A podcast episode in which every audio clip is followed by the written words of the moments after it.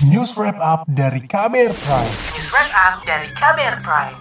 Saudara sebagian pejabat negara tak melaporkan harta kekayaan penyelenggara negara atau LHKPN ke KPK. Padahal LHKPN jadi salah satu upaya mencegah korupsi dan tindak pidana pencucian uang. Siapa saja pejabat yang tidak melapor dan siapa yang terbanyak. Selengkapnya simak laporan khas KBR disusun jurnalis Adi Ridwansyah. Komisi Pemberantasan Korupsi KPK menjelaskan presentase tingkat pelaporan dan kepatuhan terkait laporan harta kekayaan penyelenggara negara atau LHKPN 2022. Deputi Pencegahan KPK Pahala Nainggolan pada September 2023 mengatakan di lingkungan aparat penegak hukum, pelaporan LHKPN membaik pada 2022. Hal itu terlihat dari besarnya presentase tingkat pelaporan maupun kepatuhan. Dari data yang dipaparkan, Mahkamah Agung memiliki jumlah LHKPN 18.240-an dengan presentase pelaporan 99 persen dan kepatuhan 96 persen. Kemudian di Polri, ada 16.780-an wajib LHKPN dengan presentase pelaporan 99 persen dan kepatuhan 89 persen. Sementara kejaksaan terdapat 12.330-an wajib LHKPN dengan tingkat pelaporan 97-an persen dan kepatuhan 87-an persen. Lalu, KPK sendiri ada 1.630 wajib LHKPN, masing-masing 100 persen. Nah, tapi kepatuhan tetap jadi isu gitu ya. di Mahkamah Agung udah membaik, udah 96 koma gitu ya.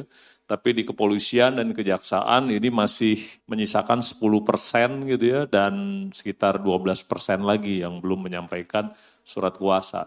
KPK meminta penyelenggara negara untuk melaporkan harta kekayaannya ke LHKPN, sebab LHKPN berfungsi mengawasi sekaligus menjaga akuntabilitas kepemilikan harta pejabat negara.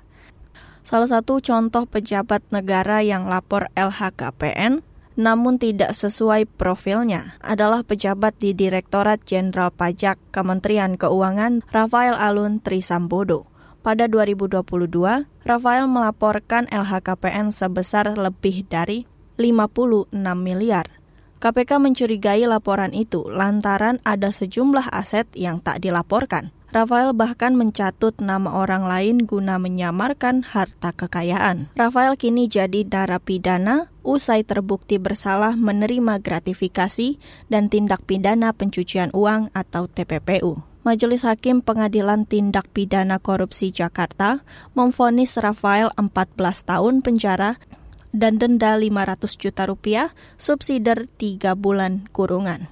Menyatakan terdakwa Rafael Alun Trisambodo tersebut di atas telah terbukti secara sah dan meyakinkan menurut hukum bersalah melakukan tindak pidana korupsi Pejabat lain yang diduga tak menyetor dengan jujur LHKPN-nya ialah bekas Ketua KPK Firly Bahuri. Dalam pembacaan putusan oleh Dewan Pengawas KPK Desember, ada sejumlah aset Firly yang tak dilaporkan ke LHKPN.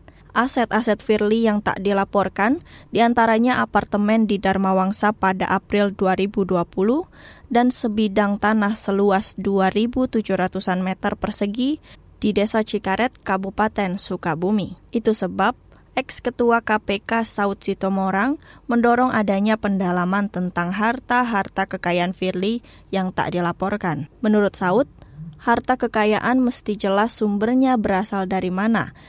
Jika tidak dilaporkan, maka patut dicurigai harta itu hasil TPPU nggak mau melaporkan berarti ada sesuatu. Jadi saya sependapat itu didalami dan saya pikir itu uh, pastilah pencucian uang.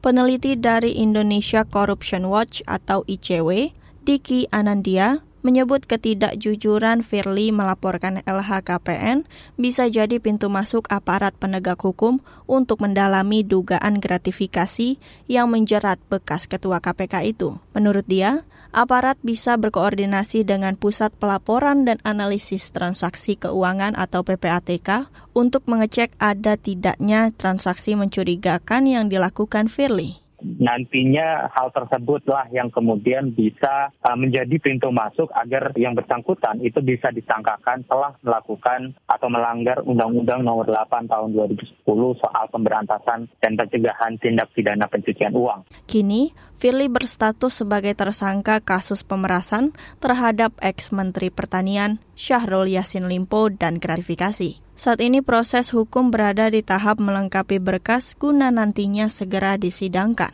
Demikian laporan khas KBR yang disusun Ardi Ridwansyah, saya Hoirun Nisa. Kamu baru saja mendengarkan news wrap up dari KBR Prime. Dengarkan terus kbrprime.id, podcast for curious mind.